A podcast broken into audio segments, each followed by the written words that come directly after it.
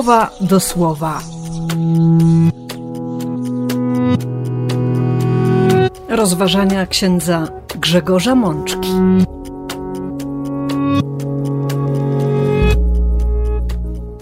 Czwarta niedziela Adwentu, rok A.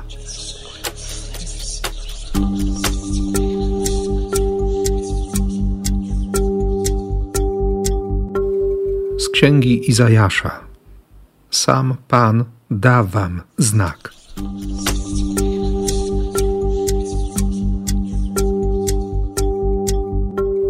Z Psalmu 24. Kto wejdzie na górę Pana? Kto stanie w jego świętym miejscu?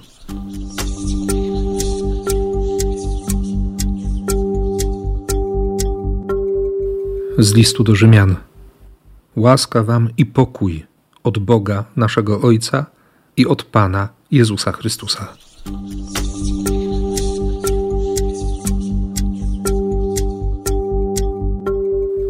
Z Ewangelii według świętego Mateusza. Gdy Józef wstał po tym śnie, uczynił, jak mu nakazał anioł Pana. Przyjął swoją żonę.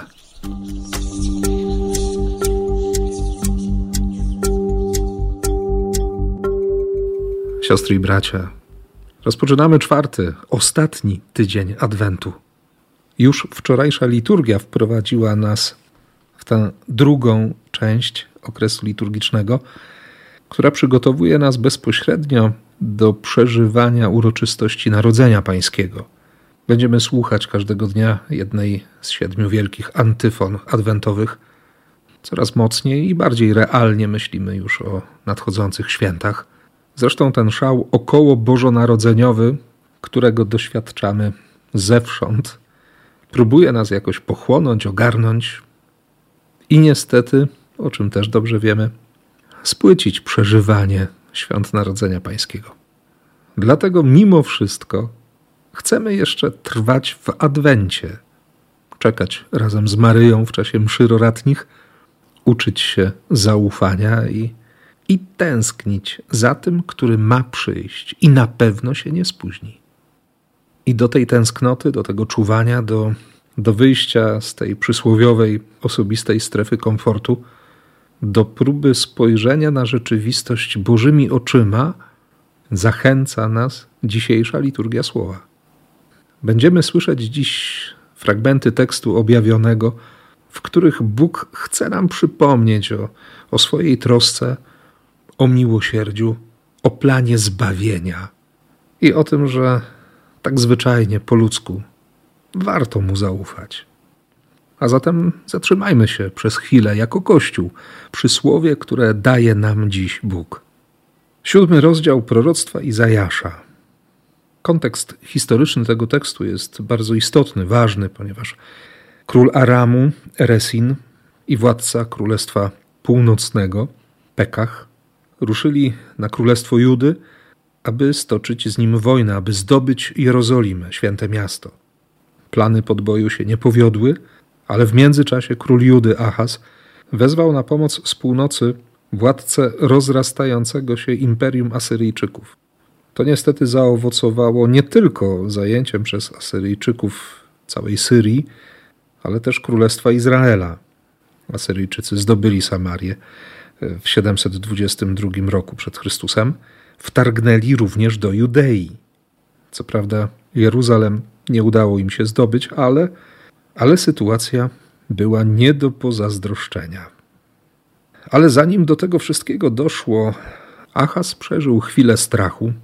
Izajasz zaznaczy w swoim tekście, że, że dreszcz lęku ogarnął także ducha całego ludu. I lęk ten był podobny do wichru potrząsającego w lesie drzewami. Jaka jest odpowiedź Boga? Idź na spotkanie z Achazem. Ty i pozostawiony ci syn twój Szar Jaszub, Powiesz mu tak: zachowaj spokój, nie bój się. Bóg chce zainterweniować. I dlatego Izajasz przekazuje kolejne polecenie: poproś o jakiś znak dla siebie od Pana Twojego Boga. Ale Achaz ma już w głowie ułożony plan. On wie, jak wyjść z tej opresji, z tego zagrożenia, bardzo realnego zagrożenia, które przedstawia wyprawa wojenna Resina, króla Aramu, i Pekacha, władcy Królestwa Północnego.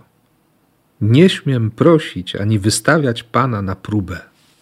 Achazowi wyraźnie nie pasuje ta propozycja interwencji Bożej. On chce wszystkie sprawy załatwić po swojemu. Niepotrzebny mu Bóg. Dlatego komentarzem Izajasza jest zdanie: Czy to mała dla was rzecz iść z wojną przeciw ludziom? A jakże ośmielacie się toczyć wojnę z Panem? Nie liczyć się z Bogiem, lekceważyć go, ostatecznie mieć Boga za nic. To przecież jeden z największych grzechów. Odrzucić Boga, zdetronizować go. Tak zwyczajnie po ludzku, wiedzieć lepiej.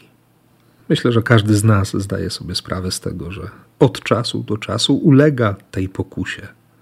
Wiemy lepiej. Bóg daje swoje słowo, ale, no właśnie, ale też mamy coś do powiedzenia, ale nam się należy, ale już bez przesady, ale trzeba spojrzeć realnie, ale przecież wszyscy, i tak dalej, i tak dalej.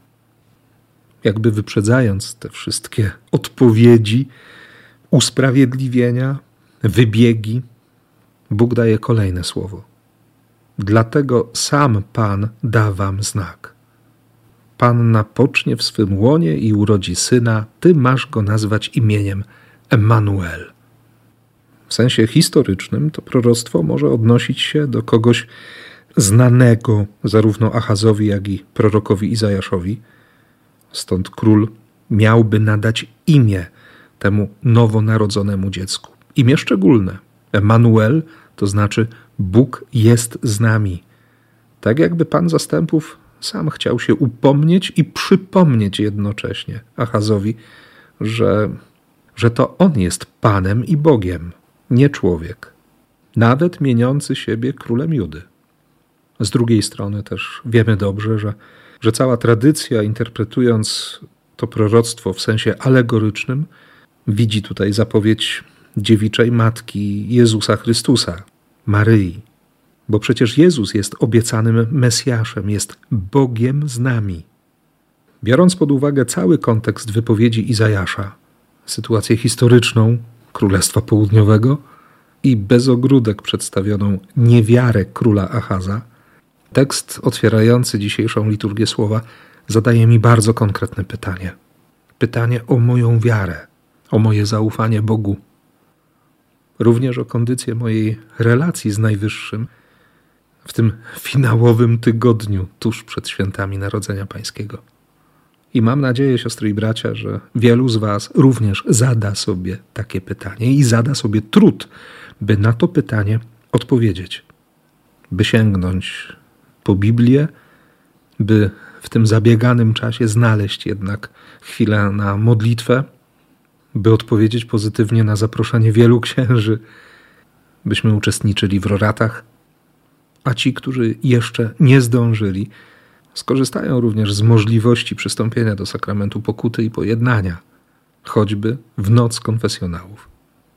Tym bardziej, że komentarzem do pierwszego czytania jest Psalm 24, psalm dedykowany królowi Dawidowi, o tym, że, że do Pana należy ziemia, wszystko co ją napełnia, że to Bóg jest Bogiem.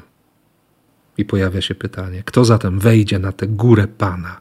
Kto stanie w Jego świętym miejscu? I od razu pojawiają się odpowiedzi. Kto ma niesplamione ręce, czyste serce, kto nie zużywa swego życia na to, co bezbożne, kto nie składa fałszywej przysięgi przeciw swemu bliźniemu, taki otrzyma błogosławieństwo od Pana. Doświadczy miłosierdzia ze strony Boga swego wybawcy. Taki jest ród tych, którzy go szukają którzy szukają oblicza Boga Jakuba. Psalmista, jakby słysząc mój wcześniejszy komentarz, daje konkretne wskazówki do, do tego wnikliwego i bardzo szczerego rachunku sumienia. A jednocześnie każdy z nas może dostrzec w tym tekście perspektywę błogosławieństwa, miłosierdzia, bo przecież idąc za słowami świętego Pawła, Dziś jest dzień zbawienia. Dziś to naprawdę czas upragniony. A ponieważ każdy z nas definiuje siebie jako człowieka, który szuka Boga, który odkrywa w sobie w tym adwencie narastającą tęsknotę za, za bliskością Najwyższego, za coraz głębszą relacją z Panem. Wierzący Żydzi w tekście pisanym użyliby tutaj tetragramu imienia Boga, który, który jest obecny dla nas, tutaj, teraz. Boga kochającego. Boga, który wchodzi w relację z człowiekiem, który daje znaki. I są to zarówno znaki obecności, jak i zachęty do, do przyjęcia łaski, przyjęcia punktu widzenia, do przejęcia się miłosierdziem. Stąd apostoł narodów, pisząc na statku płynącym do wiecznego miasta, list do, do wspólnoty chrześcijańskiej w Rzymie, mówi o sobie samym, że jest tym, który został wyznaczony do głoszenia radosnej nowiny. I to jest Ewangelia, którą Bóg już wcześniej zapowiedział w Pismach Świętych. I że dzięki spełnieniu tej Ewangelii, czyli zmartwychwstaniu Chrystusa, i Paweł i jego towarzysze otrzymali łaskę i misję by głosić zbawienie wszystkim, wszystkim zaproszonym przez Jezusa Chrystusa.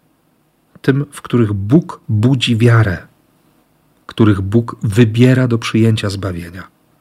A skoro Bóg kogoś zaprosił, przedstawił propozycję nowego życia, innego życia, wiecznego życia, to jest oczywiste, że będzie dawał łaskę, że będzie obdarzał pokojem, że Jego błogosławieństwo będzie obfitować w życiu zaproszonych, bo są ludem świętym, powołanym i umiłowanym przez Boga. A wiemy doskonale, że w rozumieniu pierwszego Kościoła to bycie świętym oznaczało postawę odcięcia się od spraw, które są obce Bogu, czyli pozytywną odpowiedź na proponowany już wcześniej rachunek sumienia i potwierdzenie tego, o czym mówił autor Psalmu 24. Odrzucenie grzechu, odrzucenie sposobu myślenia według świata, takie pójście za Bogiem, który jest święty, po trzykroć święty, że człowiek również na wzór zbawiającego staje się oddzielony od tego wszystkiego, co, co złe, od wszystkiego, co reprezentuje ten świat. I bynajmniej nie chodzi wcale o odrzucenie całego świata o pozostawanie w opozycji, w buncie, w sprzeciwie wobec całej rzeczywistości, która nas otacza. Chodzi o coś innego. Chodzi o życie zakorzenione w miłości Boga, dające świadectwo o ofiarnej miłości Boga i Jego miłosierdziu.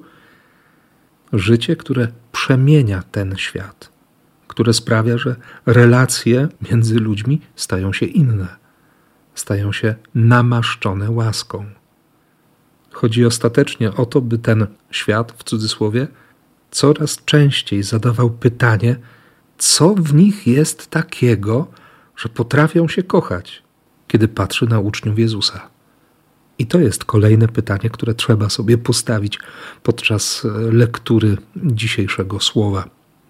Czy ktoś, kto nie jest wierzący, kto nie jest związany z Kościołem, patrząc na nasze życie, zadaję sobie pytanie, skąd u nich taka miłość? Czy, czy pyta o coś zgoła innego? Bo takie pytanie można było zadać Józefowi, bohaterowi dzisiejszej Ewangelii. Skąd u niego taka miłość, że, że zdecydował się zatrzymać przy sobie Maryję, wziąć ją do swojego domu jako małżonkę? Co się w nim stało? Wiemy dobrze, że, że jeden z tych niespokojnych snów Józefa, których pewnie było wiele, odkąd dowiedział się, że wybranka jego serca spodziewa się dziecka i wiedział doskonale, że on nie jest ojcem tego dziecka, w jednym z tych snów słyszy wyraźne: Józefie, synu Dawida, nie bój się.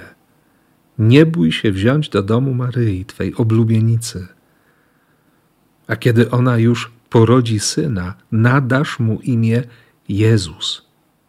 Czyli Pan jest zbawieniem, ratunkiem, uwolnieniem, wyzwoleniem, bo ten syn uwolni swój lud od ich grzechów.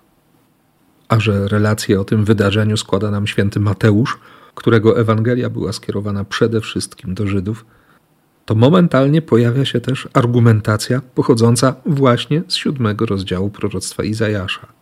Bo wszystko, co się dzieje, zostało już zapowiedziane przez proroków.